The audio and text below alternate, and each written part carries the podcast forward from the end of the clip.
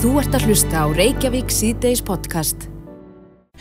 En samkvæmt veður spanni að þá er staðan svo að á laugardaginn Á morgun. þá er bara, já, á morgun þá er bara sólum all land.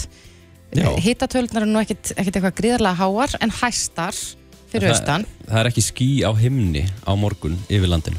Nei, það má segja það. Mhm. og á sunnudaginn reyndar breytist það svolítið. Það verður rigning og, og vindur hérna, einhver smá vindur En Já. 17 gráður á sól fyrir Já. austan s- heiðskýrt Mhm. og eh, sko söðvestan 2 metrar á sekundu Já, já fyrir austan þannig að það er spurning, ætlar, ætlar þetta að vera eins sumar og síðustu tvö sem við höfum séð, það Mhm. er spurningin og ég reyndar hef fengið fréttir af því og lesið það í einhverju greinum að, að mér skilst að gisting fyrir austan sé bara nánast að seljast upp vegna Já. þess að margir eru hreinlega að veðja á það að eh, Austurlandi verði aftur svona Já, það að er, það verði svo mikil veðurblíða ég myndi halda að það væri ansi lár stuðl á það. Mm. En við erum komin í samband við hana Marju Hjálmarsdóttur sem er verkefnastjóri hjá Östurbrú, komdu sæl. Já, komið sæl. Ég veit að hljóman og kannski svolítið eins og við sem byttur hérna á söðu vesturhaldunni yfir því hvað þið hafa fengið gott viður en auðvitað samgleðist við líka. Eh, hver- Hver er staðan fyrir það. austan fyrir sumarið? Herri, hún er bara gríðalega góð, sko. Og, og þessi fyrsta helgi er svona, startið á, á góðu sumri, kemur einmitt, eins og þú sagður á hann, bara geggjuð spá og svo mikið að, að veitingastöðunum okkar að byrja með geggja program, pop-up, eh, alls konar eh, fá kokka erlendis frá og íslenska og, og hérna mikið að listasýningum og seðinsvið og djúbói og, og bara rosa mikið í gangi og bara bæjar lífið einhvern veginn svona lifna við og og það er bara svo sem skapandi sumastörf innir í fjárðarbyggu þannig að maður sér unga krakka vera með ymsa gjörninga og svona, þannig að það er svona það er allt einhvern veginn bara að, að fara í gang, sérstaklega þessa helgi. Þessi helgi er alltaf svona svona einhvern veginn byrjunin á sumrinu þannig séð. Uh, og svo náttúrulega bara það að við, einmitt að, eins og sögðu, það er bara geggjur spá Mhm. og, og bara lokn með þess að líka. Jæja. ég bý sjálfnir á fjörðum og það er nú oft kemur hágóla og það getur líka komið smá þoka og svona en hún er líka spennandi. Svo kemur sólinn inn á milli og, og svona og svo búið þetta sumir við það að, að fjöllin skikja hans á sólina en þá er það kannski mikið ekki að kvöld sól og þetta er svona, það er sjarmi við, sjarmi við alla þessa litlu bæi og, og hérna bara já, Já. ég er náttúrulega bara mjög spektið yfir þessu sumri og vonast eftir að vera jafn gott og, og síðustu en ég vona líka því fóðið þokkalegt, ég nenni ekki að heyra meiri væli í fjölskyldum minni Reykjavík endalaust yfir, yfir því að hvað sé gott hjá okkur og ég hef komin á blokklist á snakkja til öllum og svona. Já, já, það verður nákvæmlega. aðeins að passa sig sko. En er það rétt sem við heyrum, er, er erfitt að, nappa sér gistingu fyrir austan? sko, það er það er gríðarlega góð bókunarstaða. Það eru þetta alltaf eitthvað það er náttúrulega mikið af, af erlendum ferðarmennum mjög mikið uh, mikið af erlendum ferðarmennum sem kannski voru löngu búinir að bóka stórum ferðarskriftum sem stundum dettur út og þá er mitt geta Íslandingar drána stokkið á þau lausum plás en að sjálfsögðu er, eru við með líka bara frábært tjálstæði út um allt. Mhm. og, og, og geggja sundlegar og, og svo tala við ekki um Hallorstaðskó og Allavík og allt það sem var bara tróðfyllt allt í fyrra. Uh, þannig að það er það er engin afsökun sko, það verður pláss og það er, þú veist ég er alveg viss um það sko, ég meina sáum það bara að það tók allir höndum saman og opnuðu bara ný tjálstæði og unnu með sveitafélagunum og pössuðu það að allir fengju að vera á, á svæðinu sko En Marja, maður man nú eftir því hérna bara fyrir örfáum árum síðan að þá var mikið talað um það að ferðamenn já, legðu ekki leið sína jafn langt austur og fóru ekki alveg austur á fyrði. Er það farið að breytast?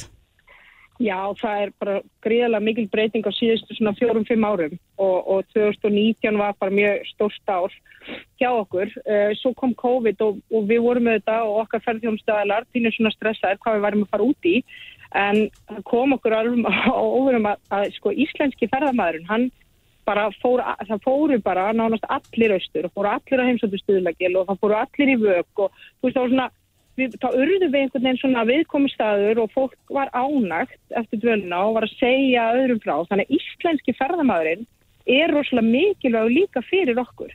en, en sko sá Erlendi auðvitað, þetta er rétt, þann, það var fyrir ekkert svo lengur síðan, þá var ekkert verið að leggja upp í lengri ferðina Jökulsalóni og, og, og jafnvel að Mývatni og, og annað. Þannig að við Svona, við erum núna sem betur fyrir að, að hérna, sjá það að fólk sem er, er að koma til Íslands, það er að velja lengur og það er mjög mikið af, af bara fólki sem er að koma líka og bara lengja dvölina, bara kannski voru búin að bóka eina til tværi nættur og ákvaða bara að vera lengur og þú veist, eina svona umkvartunar efni sem við fengið, það var að af hverju saði mér enginn að vera lengur?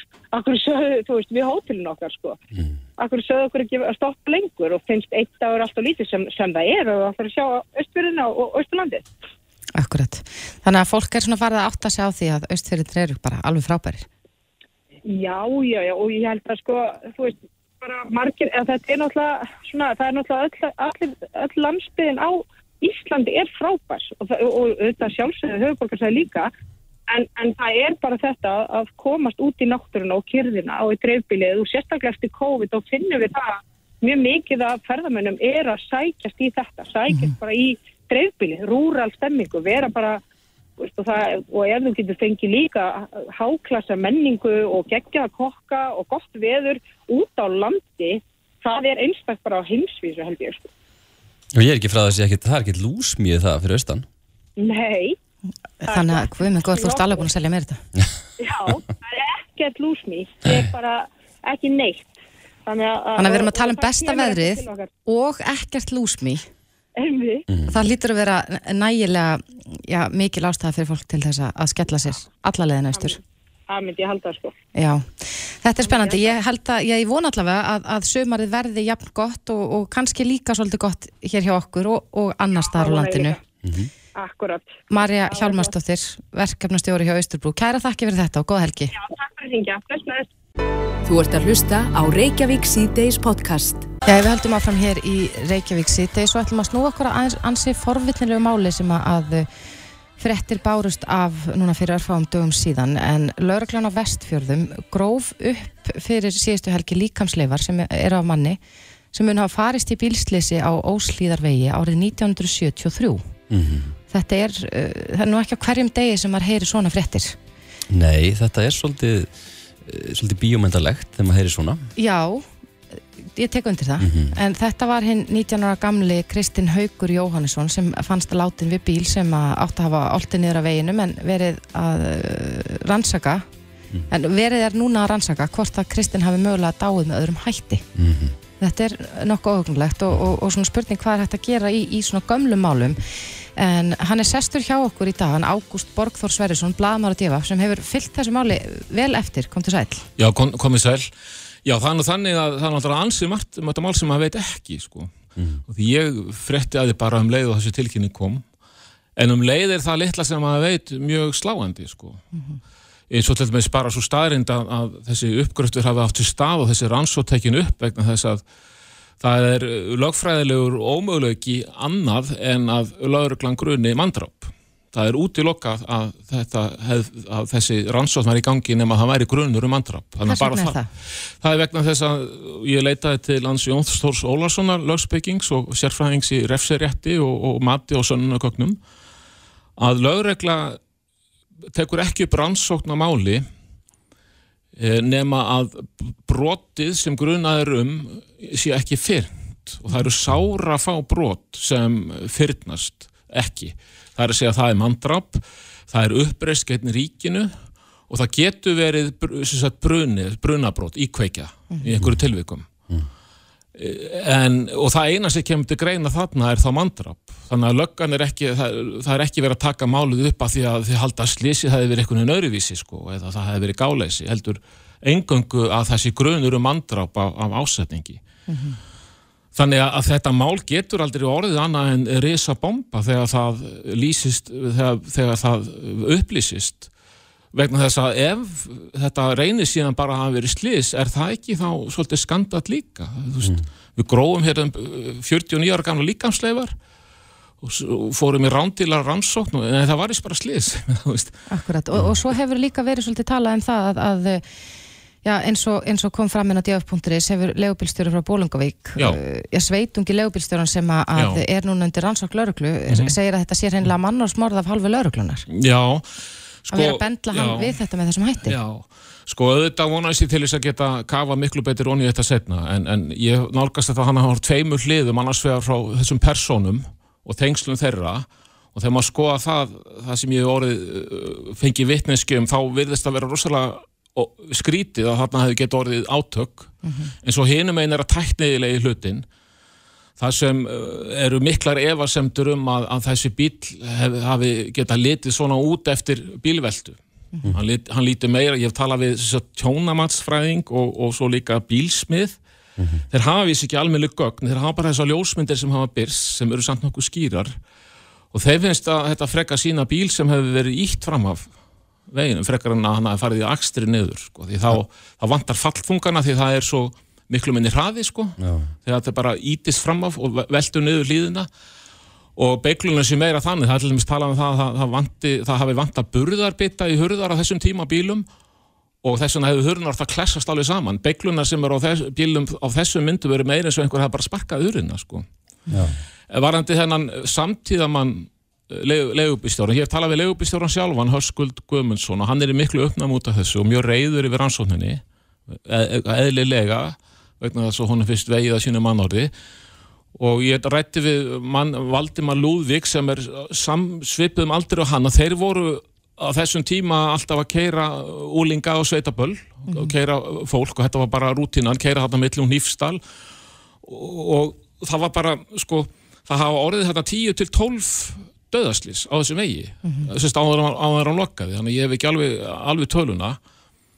Það var ekkert óeðlilegt við að döðarslis væri þetta Valdimar sjálfur velti bílun sínum og slapp með naumundum mm og eitt af því sem gerðist er að það var oft mjög grótrun niður á veginn sem allir því að menn panikærið og misti stjórn á bílunum eða grjót fyrir að undir bílana. Mm fyrstu dauðaslýsin urðu bara einu til tveimur árum eftir að vegurinn opnaði síðan er það að, að þessi bílslegubistjóri Höskuldur, hann er hérna eitthvað 15 árum eldri en þessi úlingur sem hann er að keira og þekkt hann ekki neitt sko þannig. En maður veit ekki það, það, maður veit ekki sagt, meira um þetta hvað önnur tengsl hafa hann getur orðið eða einhver aðdraðandi þarna fram í satt síðan kona sem var tveimur árum eldri en Kristinn og er, er sjötu í dag og ég vil ekki nafngreina hana því hún hefur ekkert viljað tala við fjölmiðla. Nei.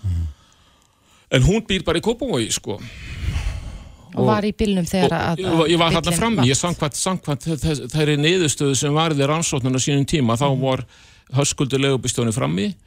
Þessi stúlka við hliðin á hannum og að leið heim að balli og Kristinn heitin lág aftur í sögn áfengistöður sem satt í Já. svo 19 ára fullur úlingur, ekkert nextlanlegt við það sko, það bara eins og, eins og oft gerist sko En þú er ekki fengið neinn gögn neitt Nei, ég hef ekki, málið? mér hefur neitað um laurugluskíslur frá málinu og þessi meira þær, mér hefur neitað um aðgang á úrskurðunum frá hérastómi Norrlands, yfirleitt fær maður allt frá domstólum, en maður bara byður um það eftir réttu leiðum. Mér hefur neitað um úrskurðin sem er grundvöldur þess að það, það mátti grafa upp líkið og, og, hefja rannsóknina. Það er litið bara á þetta sem rannsóknargögn, en það getur nú verið að ég fái skíslunar eftir öðrum leiðum. Akkurat. En, en þetta er nú ekki, eins og ég saði hérna upphafi, sko, þá er þetta nú ekki hefðbundi að við sjáum slík mál rata í fréttir eða, eða reynilega að, að líkams leifar séu grafnar upp svona löngu Nei. síðar. Nei. Getur þetta verið einhver þróun sem er að eiga sér stað? Ættu við að mögulega vona fleiri svona málum þegar tækninni fleir fram á öllum sviðum? Ég sko það talaði um að forsendu fyrir því að taka upp gömul mál séu annars vegar þær að það hefði komið fram ný sonnunagögn eða það hefði komið fram ný tækni til að rannsaka eldri gögn og það á náttúrulega, við þekkjum náttúrulega frá bandaríkjunum öll þessi mál þar sem lífsýni breyta breyta dauðadómum eða breyta, já, breyta hérna sakfellingu í morðmálum. Vegna þess að, að, að það var ekki til tækni á þeim tíma sem atbyrðurinn var til þess að rannsaka lífsýnin Uh, og það gildur um fleira, fleira að það eru, mér skilst þó ég hef ekki vita á því sjálfur, þá skilst mér að, að það séu komna fram betur aðferði til að rannsaka bein og áherka á beinum með tilliti til þess uh, hvernig þeir hafa orðið, orðið til sko, komið til. Uh, Er, er einhver svona tímarammi sem að er á svo- svona málum? Gæti þessi rannsókn dreigist í marga mánuði? Eða er- mun reynilega koma einhver svona, Ég, já kannski niðurstaða þegar að rétt að meina fræðingurinn hefur lokið sínum störfum? ég þekki það ekki, ég geti trú að þetta tekið langan tíma því að bara því maður þekkir að sjálfur og lauruglar rannsóknum hvað miklu einfaldari mál taka oft langan tíma þannig kannski að því þau lenda í byðröð sko, þannig að ég þekki ekki alveg, alveg þetta en, en ég bara hef ekki hugmynd um það. Ég veit eins og að það er engar yfirherslur farið fram. Og það verður eitthvað engar yfirherslu fyrir en eftir meinaransóknina þegar menn sjá hvað hún skilar og Já, en þetta gæti samt já, eins og þú segir að þegar að, að, að tækni fleiri fram að þá gæti, gæti fleiri slík mál dúka upp við þetta Já, ég myndi halda mörg það- óleist Já, sakamál á Íslandi. sko það fer náttúrulega líka kannski eftir í sko þarna verður mikill þrýstingur á að taka málið upp. Er það þrýstingur frá aðstandendur Já, Kristins? það er, það, er bró, það er yngri bróðir Kristins. Maður sem er ekkit gamall sko, er bara 55 ára í dag og er, Kristinn var reyndar ekkit svo rosalega gamall heldur sko, hann væri 70-saldri sko. Það er maður sem uh, var, sem sagt, var 7 ára þegar Kristinn dó en hitt hann aldrei sko, af því að Kristinn var ættletur Já. og En yfir þekk- til Patrísferðar Hefur það eitthvað komið fram hver, sko, hvers vegna uh, Nei, sko það hann fara að berjast fyrir því að máli verið sko, tekið upp að nýju? sko hann hefur barist fyrir þessu í, í uh, félagi við, við hérna Són, eftirlifandi Són Kristinn, því að Kristinn var nýbúin að eigna spatt þegar hann dó. Þeir hafa verið að rekka þetta og uh, sko eitt af því sem Valdimar þessi legubistjóri sem er gaggrinin á rannsóknuna, eitt af því sem að gaggrinir er það hann segir sko, það var enginn að tala um þetta á sínum tíma. Þa, það var, voru engar það var engin orðrumur um þetta, það er bara eftir á speki sko. fólk bara gekk frá, að í vísu þetta verið slis, hann segir hann vil meina að þetta sé bara þráhyggja í, í tveimur mönnum á setni árum sko. Og ég veit að, að, að hérna hann heitir Þórólfur Hilbert þessi bróðir Kristins, hann eh, skrifaði fyrir einu og hálfu ári grein inn, fe- inn í Facebook-kóp um þennan bróður sinn og byrti fullt af myndum á honum. Og það er um það leiti sem hann fyrir að hafa samband við lauruglu og, og vinna að því að fá máli tekið upp en ég, ég ætla náttúrulega himbóin ekki lauruglu það að, að, að ráðast í svona lagar að þess að hafa Nei, eitthvað það Nei. hlýtur að vera raukstötu grunnur um Já, eitthvað já, eða eitthvað eitthvað fram. nýtt hefur komið Já. fram í málinu til þess að lauruglan fari í svona umfangsmiklar aðgerðir. Algjörlega. Ég veit líka að Þórólfur er mjög ósáttur við að það hefði verið greint frá málinu í fjölmiðlum. Hann segir að það sé búið að spilla rannsókninni nú þegar með því að segja frá þessu, það hefði orðið að segja frá þessu síðar. Spurningin er, getur laurugla grafið upp lík í kyrþegi og ekki út tilkynningum, ég veit það ekki. Nei, þetta er nú ekki eitthvað sem að gerist á hverjum deg. Nei, það er, það er svona erfitt, það, þú hefur ekki fordæmin, sko, Nei. til að stiðast við. Já, þetta er ansi uh, forvitnilegt mál Vissulega. og þetta mikill harmleikur Já. uh, fólkin í þessu. Þetta er náttúrulega alltaf harmleikur hver sem sannleikurinn er því þarna dó ungu maður í plóma lífsins og vissulega. Já. Við höldum áfram að að fylgjast með þessu máli. Ágúst Borgþór Sverrisson, uh, blaðamár og TFF. Kæra þakki fyrir komuna og segja okkur aðeins frá þessu. Takk fyrir mig. Þetta er Reykjavík C-Days podcast. Það er komið fyrstu dagur og eh, fyrir svima þá þýðir það eitt Já, bjór. þú ert að tala um það, akkurat, já, það þýðir margt, það þýðir frí. Já, já, já, já, jú, jú, það þýðir svo margt, það er rétt fyrir en, en fyrir suma Já. bjór. Akkurat, en við erum svolítið búin að vera svona á ferð og flum landi má segja, við vorum að fara yfir það áðan hvað væri svona helst á döfinum helgina, en það er hvítasunni helgin, svona kannski fyrsta stóra ferðahelgi sumarsins. Já, það er alltaf að tala um það, það er, hérna, og, og blíðskapa veður núna og, margir sem munum leggja landi fót. Akkurat, en á hólum verður svo sannarlega hátíð um helgina og þetta er bjórhátíð og uh, mér skilst það að þarna séu bara fleiri, fleiri brugghús mætt á svæðið og maður getur smakkað allskynst tegundir af framandi íslenskum bjórum en á línunni hjá okkur er Bjarni Kristoffer Kristjánsson, einn af skipulegjendum hátíðarinnar. Komdu sæl Bjarni. Já, komið að blessa og sæl. Já, kannski byrjum á því Bjarni, hvernig er eiginlega veðrið fyrir norðan núna? Það er reyndar algjörð lokn og blíða en það er regnir í dag en það verður sól á morgun. Það verður sól á morgun. Það er frábært. En segja okkur aðeins frá hátíðinni. Já, fjórháttíðin okkar sko, þetta er tíunda skipti sem við höldum þessa hátíð. Og við höfum bóðið brugghúsum að koma og taka þátt og í ár verða 16 brugghús sem munu gefa fólki að smakka sínar vegar og svo með tímanu þá er hátíðin þróast yfir að verða sko bæði matar og bjórhátíð þannig að við höfum lagt mikið uppi því að vera með heimatilbúin götumat. Já, og þannig að við erum búin að vera hérna, elda á fullu og, og svo verður eh, annar kokkur með okkur, hann Edu mm og hérna hann það verða fleiri, fleiri réttir í bóði og, og, og fólk getur smakað bjór og fengið sér eitthvað gott í kokkin. Akkurat. Þannig að þarna maður mætir þarna og bara tilgangurinn er að, að smakka bjór, eða hvað? Já, þetta er, þetta er rauninni tækifæri að mörgu leiti fyrir brugghúsina, svo bara pröfa eitthvað sem þeir eru að framleiða til þess að sjá hvernig það leggst í fólk og, og líka bara að sína hvað fjölbreytileikin í bjór á Íslandi. Mm Þú ert vantarlega mikill bjór áhuga maður, ekki satt? Jó, ég, það er þess sem við erum að þessu. Já, já. Þess að bjórsetur Íslands hér á Hólum Mhm. eh, árið 2007 og það var bara, bara áhuga manna félag um bjór og síðan höfum við farið út af því að gera rauninni allt sem við getum og hugsanlega mögulega tengspjór þannig að við stofnum okkar eigi brugghús, við erum minnsta brugghús á Íslandi.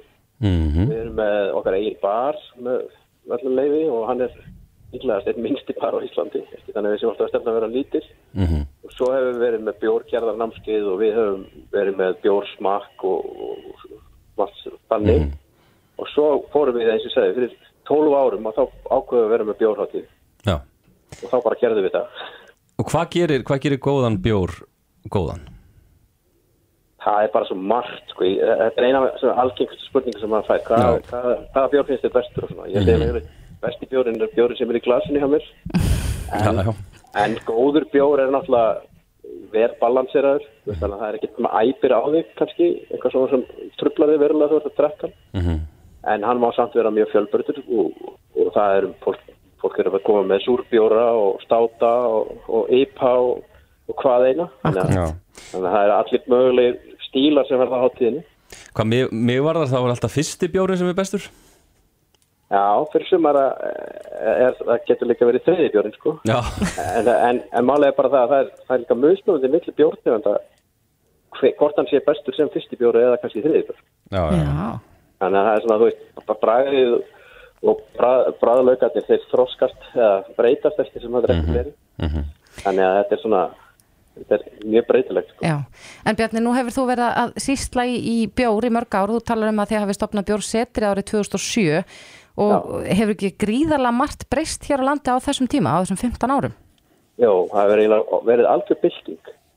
Þegar við, þegar við stopnum bjórsettrið þá er eitt svona lítið brugghús á Íslandi, það er kaldi og annars er það bara Viking og Eils, þessi tvö stóru brugghús. Í dag eru, eru á vel á fjórðatug lítila brugghúsa og sum þeirra eiga græjur og sum þeirra eiga ekki græjur. Og þá þá brugga hjá einhverjum öðrum. Og það er alveg feikileg suð, það er svona suðu pottur í, í þessari, í þessari hand, handavinnu eða þessari handverki. Og það er til uh, þessar félagskapur handverksbrukkúsa þannig að, þannig að litlu brukkúsin er að tala saman vinna saman og, og jóraðteginu okkur er sumurleiti svona svolítið eins og Akkúrat. koma hérna bruggarnir og, og, og hittast og, og ræða saman og hafa, hafa það gaman. Já, ég, ég kýs alltaf að velja mér eitthvað svona frekar klassískan lagerbjór, er mjög óspennandi í þessum bjórefnum, en, en nú velti maður fyrir sér sko hinga streyma auðvitað ferðamenn. Hvernig líst þeim á íslenska bjórun þess að kannski óhefbundum, við erum með alls konar súrbjóra og, Og IPA og... IPA og fleira. Já, sko við, við á Íslandi erum ekkit öðruvísi heldur en bjórframneslan í heiminum og, og þar eru svona tísku ströymar í, í bjórgerð og fyrir 10-12 árum þá var IPA að heitast það og nú eru súrbjórar að mjög heitir Mm. og það er náttúrulega ákveðin hluti ferðamanna sem kemur til landsins bara sem bjórferðamenn. Er það fara að færast í aukana? Já, það er að færast í aukana. Við sjáum það hér í okkur, maður færi reglulega fyrirspurnir, er þið opið hjá okkur í kvöld af því að, að fólk er með bjórkortið og það er þess að félag handverksbruggus að gefur út eh, kort og sem maður getur fengið skrifað upp á þá er komið í brugghúsið. Já, stemning. Svo keira með hringin og, og hérna, smakka bjóður hjá þessum litlu sniðugt. En mega hins vegar ekki þá kaupa bjór og taka með sér, er það ekki það sem að, að handverksbrukhúsin er nú helst svona berjast fyrir að, að, að fá að selja afurðuna sína? Jú, það er, það er nákvæmlega, nákvæmlega það. Þú kemur í brugghús, það er eins og brugghús í okkur, við erum líklegast minnsta brugghús á Íslandi. Við framleiðum 500 lítra af bjóra á því. Þannig að við erum ekkert að vera að setja þetta á flöskur eða eitthvað svo leiðis. En, en fólk gæti komið hérna og, og við eigum svona grálera sem eru svona lítarsflöskur en við náttúrulega megum ekki selja þær, þannig að við seljum það ekki. Nei. Þannig að fólk gæti komið og fengið eina áfyllingu og tekið með sér og, og oft er alltaf við erum á hólum í Hjaltadal þannig að fólk er kannski gistingu einhvers þar annars staðar þannig að við koma hérna og, og fá eina fingur björga bjór til að smakka en, en hérna eru svo að fara í gistingu. Já, já. Það hefst á morgun, ekki satt? Jó, Klukkan, hvað, þrjú? hátíð, já, hátíðin stendur yfir í fjóra tíma, Já, þrjú stíu á morgun og á meðan að hátíðin stendur og þá getur fólk, að smakka fólk bjór og, og getur kosið um besta bjór hátíðarinnar Mhm.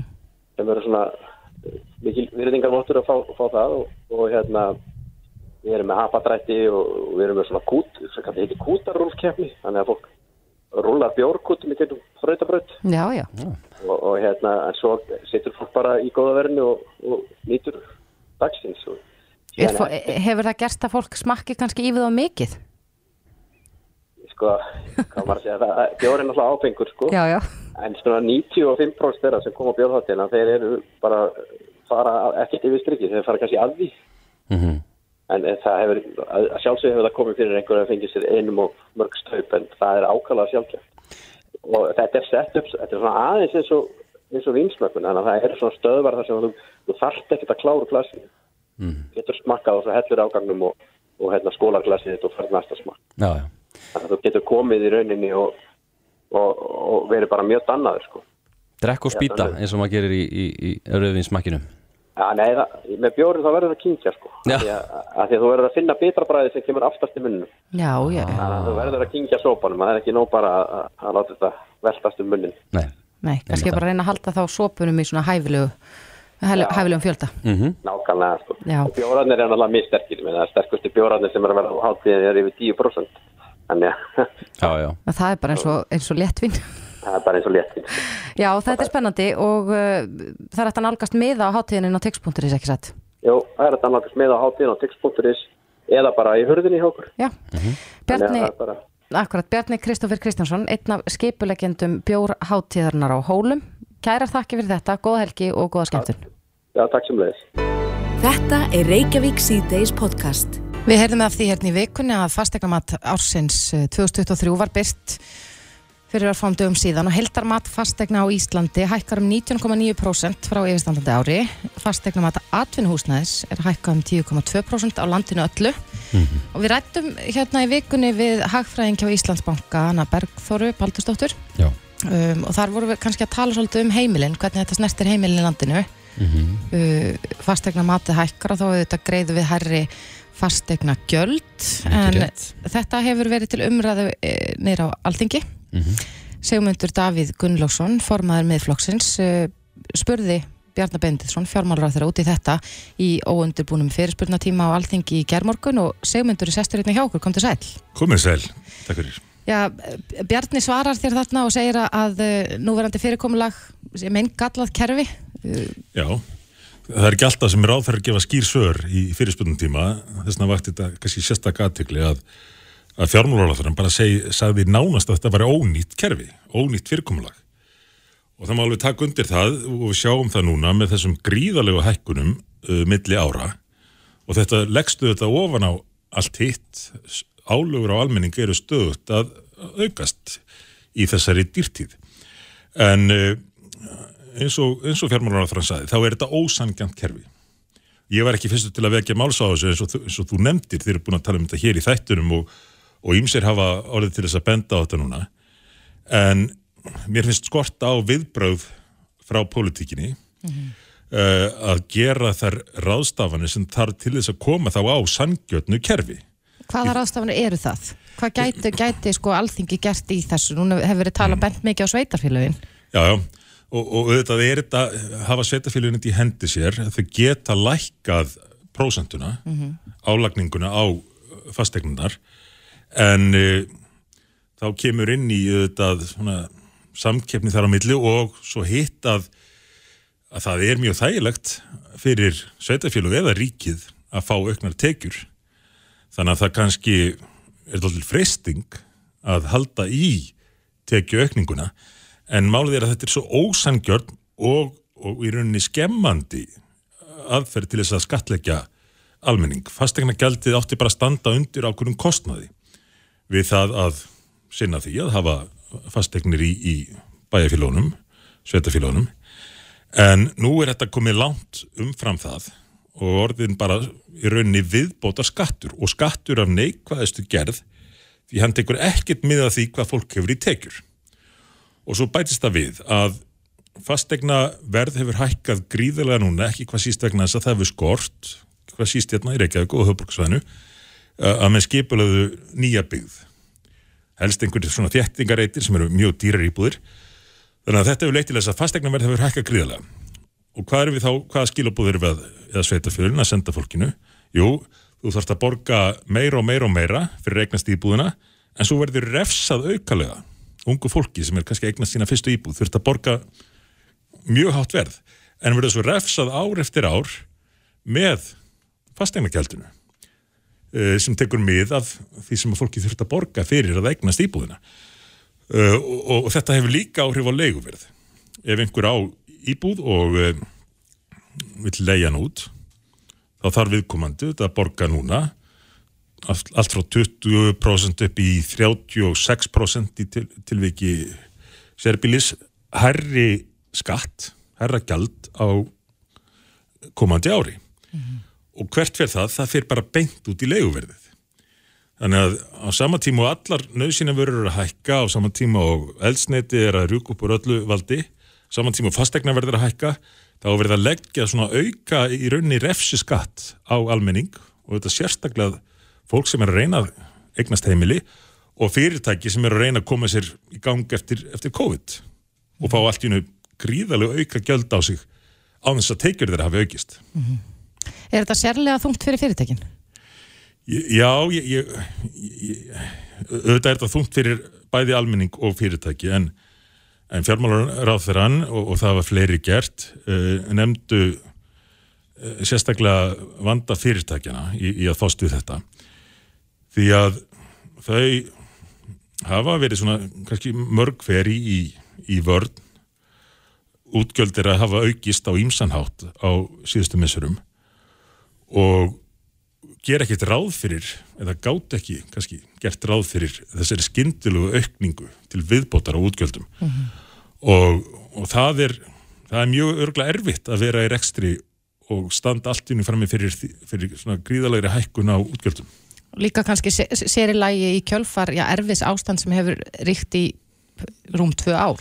Akkurat. Og, og maður, maður eiginlega finnur til með fyrirtækjunum og augljóslega almenningi að hafa svona verið að, að þrauka þessi, þessi erfiðu tvö ár og svo allt í einu kemur óvænt refsigjald á það að eiga húsnæði eða, eða starfa í húsnæði. Mm ef, þú, ef þú værir í, í stóli Bjarna Benditssonar, Já. hvað myndir þú gera bara núna til þess að reyna að bæta þetta ástand? Ég myndi uh, leggja fram frumvarp til að breyta fyrirkomulagi fastegna gjaldana þannig að það sveiflist ekki svona eins og ég orðaði að nánast tilviljana kent og, og, og elliði Vignisson bæjastjóri Ölfusi og setti þetta í ágæti samingið og þó að einhver byggi sólpall eða, eða lagi eldúsi hjá sér og, og auki verðmætti egnarinnar þá á það ekki að hækka skatta á nágrannan. Þannig að þegar að fastegnamarkaðurinn er bara svona í rauninni megin gallaður eins og hann er núna af ímsum ástæðum eh, þá sýnir það okkur uh, hversu slemt fyrirkomulega þetta er svolítið að það er eðlilegt jú að íbúar í sveitafélögum greiði einhvað gjald fyrir þá þjónustu sem að sveitafélögin ókjákvæmlega þurfa að veita fyrir að vera með byggðina. En það á ekki að sveiflast svona eftir uh, verðhækkunum sem hafa ekkert með tekjur fólks eða fyrirtæki að gera. Já, ertu, ertu bjart síðan á það að, að, að þetta, þessu munu vera breytt inn á alþingi? Nú hafa þetta einhverjir bæjarstjórar stigið fram og eins og talar um Ella Vignisson og, og Dagbjörg Akesson borgarstjóri bentinu á það að það væru lægstu fastegnagjöldin í Reykjavíkuborg og, og það mun kannski verða einhver þróun en, en er líklegt að það, þessu verði breytt inn á þingi? Já, sko, fyrst varandi borgarstyrjun Reykjavík, það, það er rétt að einn liður fastegna gjaldana er lægstur í Reykjavík en svo er þetta fjölmargi liður og ég verðum að skoða töfluna áður en ég kom hérna inn. Og þetta er svo flókið, það er svo margir liðir sem að koma þarna saman til þess að búa til þessar álögur, þennan skatt á, á fólkið.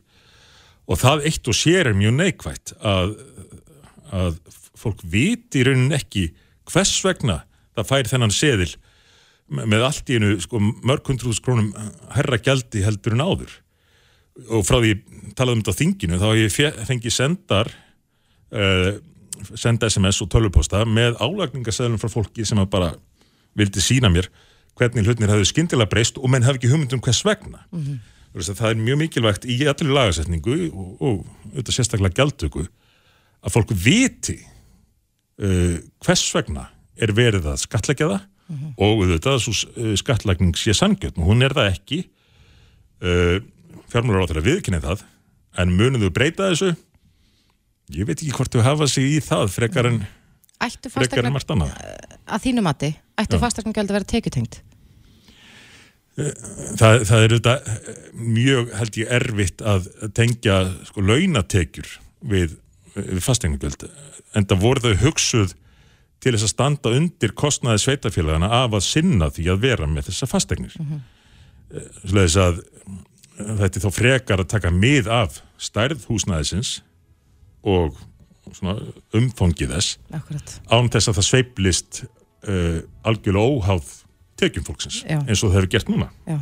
En segundu tíminn er að fljúa frá okkur á þessum fína föstu degi. Ég geti eiginlega ekki sleftir án þess að bera aðeins undir en nú er, er virðist ríkja svona einhver óeining innan ríkistjórnarinnar, eh, já kannski kjölfar sölunar á Íslandsbanka og, og nú já, virðist renna eitthvað kalt vatn á milli Bjarnar Bendiktssonar og, Lilju Alfreðsdóttur út út af þessu frumvarpi Lilju um hækkun og endurgræslu hlutfalli til kvikmyndagerðar. Já. Þú hefur sjálfur sittið í ríkistjórn. Er þetta, er þetta eðlilegt að já, ráðherrar sé að kýtast svona ef ég má orða Nei, þannig? við við erum að sjá mjög óvinnilega hluti núna og þú nefnir eitt dæmi en, en þetta fór af stað fyrir alvöru þegar að COVID ástandið allt í hennu svona já, því, því lauk má ég að segja. Við, við, ríkistjórnin var ekki lengur í, í skjóli COVID og þá reyfiðast upp staðan sem var þegar orðin fyrir tveimur árum að þetta eru auðvitað flokkar með mjög ólíka pólitíska sín og stefnu. En það hefur gerst mun hraðar og með harkalegri hætti en maður hefði kannski búist við. Uh, og í, tilviki ágreinings fjármálur á þeirra og menningar á þeirra þá er þetta ekki fyrsta málið það sem að svona, hvernig við verðum að kastast í kekki þar á milli. Því að, uh, jú, Íslandsbankamálið var eitt það sem að menningar á þeirra sagðist að varað við og svo reynda sagði, sagði hann að allir ráðherrarnir í nefndin hefði varað við. Uh, aðrir ráðherrar fósitsráðan þar að meðal kunnumst ekki við það. Áður var það hótunum að hækka bankaskattin sem að ríkistofnin var nýbúin að lækka. Það hefði ekki greinlega verið rætt við fjármálaráðherran en þetta er ekki bara milli þessara tvekja flokka það, það var til dæmis alveg ótrúlegt viðtal við Guðmund Inga Guðbrandsson e, félagsmála ráðherra Já, hérna fyrir fáinum dögum. Varandi útlendingamálin. varandi útlendingamálun þar sem hann beinlinni sagði að samráð þeirra sinni í ríkistjórn hefði farið rámt með sagt ósatt um, um stöðumálsins og hjólaði harkalega í hann reyndar einum með tveimur dögum eftir að hafa svona frekar sko, stuttan í þinginu að þá í þessu viðtali fór hann mjög hart í, í, í Jón Gunnarsson, dómsmálaráðra og þetta mál er óleist en það í þinginu, þessi innflytjenda og útlendingamál. Uh, ef ég ætti að veðja, ef ég ætti að gíska Já, þá myndi ég segja sjálfstæðisflokkurinn gefi eftir. Hann muni klára innflytjendamál Guðmundar Inga uh, og hann muni láta sig hafa það að, að gefa eftir í útlendingamálinu sínu af því að sjálfstæðisflokkin verðist vera fyrst og fremst farið að langa að fá að vera með já. í ríkistöðunni Akkurat. Sigmundur Dagur Gunnlaugsson, formaður miðflokksins. Kæra þakki fyrir komuna Takk og fyrir góða mig. helgi. sem leiðis Reykjavík síðdeis á Bilginni podcast. Það er svo margt að gerast um helgina benni. Já. Það er uh, hengilslaupir á morgun, við erum nú búin að tala um það einu sinni hér í þessum þætti. En það er ekki bara hengilslaupið, það er líka kolorun. Já, sem er hlaup, Já, það er hlaup. en svona öðruvísi hlaup Svolítið mikið öðruvís. Ég held að það sé kannski já, ein- á einhvern nátt skemmtilegra.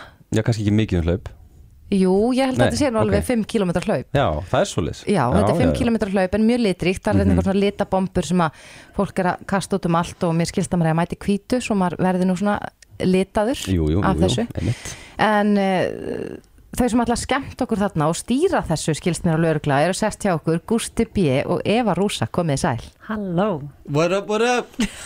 Ok, hann var flottur en ég. Já, Gusti er náttúrulega, hann er svona aðeins yngri. En aðeins yngri, Já. þetta hefur verið astnalt í ég What up, what up? Ég er alltaf rödd unga fólksins. Já, það er rétt. Já, Gerum þetta venni svona, komið sæl. What up, jó, jó. Nei, Nei, þetta er ræðilegt þetta er nei, við látum þetta bara döga. Akkur það var lægi, Gustafis Nei, mér finnst það flott, þetta var bara uh, fínt, já. Ok Segja okkur aðeins frá hlaupinu. Heyrðu, lítahlaupi er, þú sko, þú þarft ekki að hlaupa. Nei. Þú mátt alveg labba, ég meina fólk er að mæta þetta með barnavagna og kerrurnar og allt saman. Þú, veist, að, þú mátt bara fara í gegnum þess 5 km bara eins og þér líður best með að fara.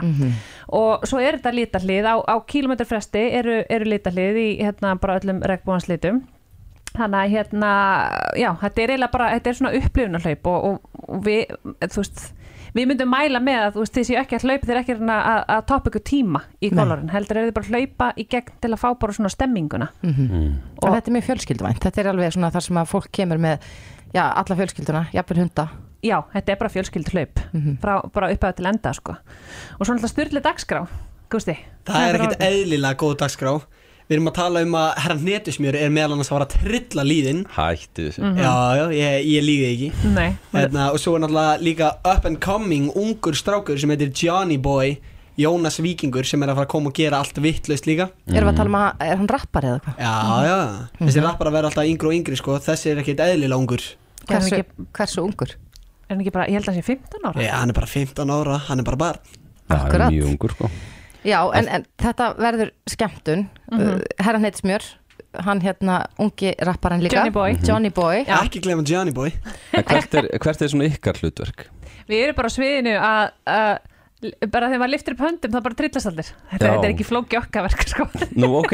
Já, við erum bara á sviðinu og peppa, peppa fólkið og láta fólk koma með okkur í ykkur að dansa og, og Mm. halda stemmingunni gangandi bara frá upphaf til enda. Já, við erum kynnar að hátíðarinnar Já, náttúrulega. ky- já, Já, já, já. kynarnir á, á hátíðinni og hérna, en sérst uppbyturinn hefst klukkan hálf tíu í fyrramáli, mm hérna í lögadalunum og svo klukkan kortir yfir tíu þá ætla Johnny Boy að mæta. Svo er opnað í startarindar rétt fyrir 11 kortir í 11 eða svo svo er ræstast það klukkan 11 í hlaupið. Og hvenar kemur herran heitir Smjör og er það eftir eða hvað? Já, hann kemur í eftirpartíð klukkan Já. hálf eitt. Ég vissi að Þórdís væri bara að pæla í hvernig hnetan myndi mæta. Já. Ég er náttúrulega mikið þann, Cowboy sko. Já, ekki, Já, ég var náttúrulega sko að koma frá Íslandi með hnetin í ekkert eðla skemmtilegri ferð sko. Já, já Þú varst þarna að spila póker er það ekki með? Herðu, eh, Nei, ég er náttúrulega stið ekki fjárhættispill Nei. En eh, já, við erum náttúrulega ógislega spennt fyrir þessu hlaupi og ég er náttúrulega að koma inn í þetta í fyrsta skipti Ég Mhm. hef enga reynslu af kolorun Eva er náttúrulega með já, töluvert meiri reynslu undir beltinu Hún er hókina reynslu, þið sjáu það Ég er með krippu sko En þannig að ykkar, stem, ykkar, ykkar hlutur þarna er í raun og veru bara að peppa og, og, Já, og sjá til þess að bara allir séu mjög glaðir þegar þeir hlaupa af stað. Já. En það er eitthvað sem við Eva kunnum þá er það sko að peppa mm. Ég heyri það, ég er mjög peppuð að hafa ykkur þetta. Já, ég meina við erum alltaf bara pepp hundar í grunninn. En, en er ekki langt síðan það var haldið? Var, var þetta ekki í fríi bara í COVID? eða? Jú, þetta var síðast aldrei 2019 Já, svo átti, ég var búið að plana 2020 þá kom smá op, COVID-op svo bara um leið og hlaupið átt að fara, fara af stað að þá kom aftur lokað þá lokaði Þórólur aftur á og, og svo, svo er þetta búið að vera svona opn og loka þetta átti, átti að vera líka í fyrra þá kom líka aftur svona opnun en svo var þetta bara döðdamt í tvö ár já er þið bjart sína að verið opið núna? Ei, við erum fulla bjart síni, ójá maður veit ekki hvað ekki öðru. Þórólu gerir í kvöld sko. Nei, reyndar aldrei að vita, náttúrulega komin glæn nýr faraldur af Já.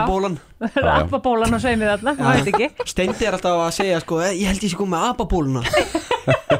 þú Þetta ángriðis hræðir mig sko. Hræðir þetta þig. Ágúst? Nei, eða hræðir mig þegar við erum í kannski í Íslandi og Steindi er eitthvað Herri, ég var að snerta eitthvað skrýta á hann, ég, mér er byrjað að klæja hérna. Ég held ég sé með apabóluna, Gústi Nei, þetta er moskítóbit.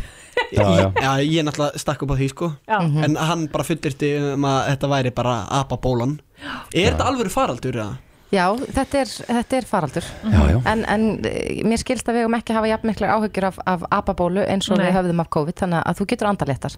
Guðsjálf, Mhm. ég var nefnilega alveg orðinn stressaður sko og það maður er náttúrulega líka með loftlagskvíða og allt þetta skilju Já, já Unga kynslaður. Já, unga kynslu, hefur ágjur öll En við þurfum ekki að ágjur að veðrinu á morgun Nei. Það er spáð, þetta er ótrúlegt Í hvert einsta skipti sem kolorin er haldið Er bong og blíða Það er 7-9-13 samt Já, Eva. 7-9-13, sorry. En þú veist, ég, ég er búin að jinxa svo oft núna bara Þetta hefur alltaf bara verið sunshine þegar það er kolorun alltaf verið sól og blíða það er áttast, áttast eða hitti 3 metrar á sekundu og sól Ég teki það, ég teki þess 8 gráður Mhm. Þetta er rosalegt Breytið þeim í 15. Breytið mig 15 Nei, en svo hittar mann eh, auðvitað þegar maður er að hlaupa Já, eða ganga hratt já, já, eða, eða skrýða þessa 5 km hvernig sem maður vil gera. Já, maður verður að njóta, mun að njóta Já. Mun að njóta. En uh, það er ennþá hægt að kaupa miða, ekki satt? Jú, með Glæsilegt. Miða og, og, hérna, og verslunin er opinn, kólarun verslunin er opinn í smárlendina sem fólk getur svo hlaupagögnin sín Mhm. í dag og svo náttúrulega er hægt að sækja á, á, hérna, á morgun líka á, á, í lögadalunum en við mælum með að fólk sé búið að sækja það í, í dag mm. Getur þú þá keift líka svona liti eða hvernig Já, þetta? getur keift hérna, litapoka og alls konar Hvað er í þessu? Hvað er þetta? Þetta er bara eitthvað svona mægisina mjöl, þetta er allt náttúrulegt. Mm, mátt alveg, mátt borða þetta, Benni, ef þú vilt. Já, já. en þetta er ekki gott að bræði Ég ætla, ég ætla að skoblus í mig. Það verður bara svo leys Glæsilegt, Eva Rúsa og Gusti B Takk fyrir komuna og góða skemmtur á morgun. Takk fyrir Takk hérlega fyrir okkur. Já, það verður greinilega fjöri í uh, lita hlaupinu á morgun en við ætlum að fara að skipta yfir á fréttastofuna.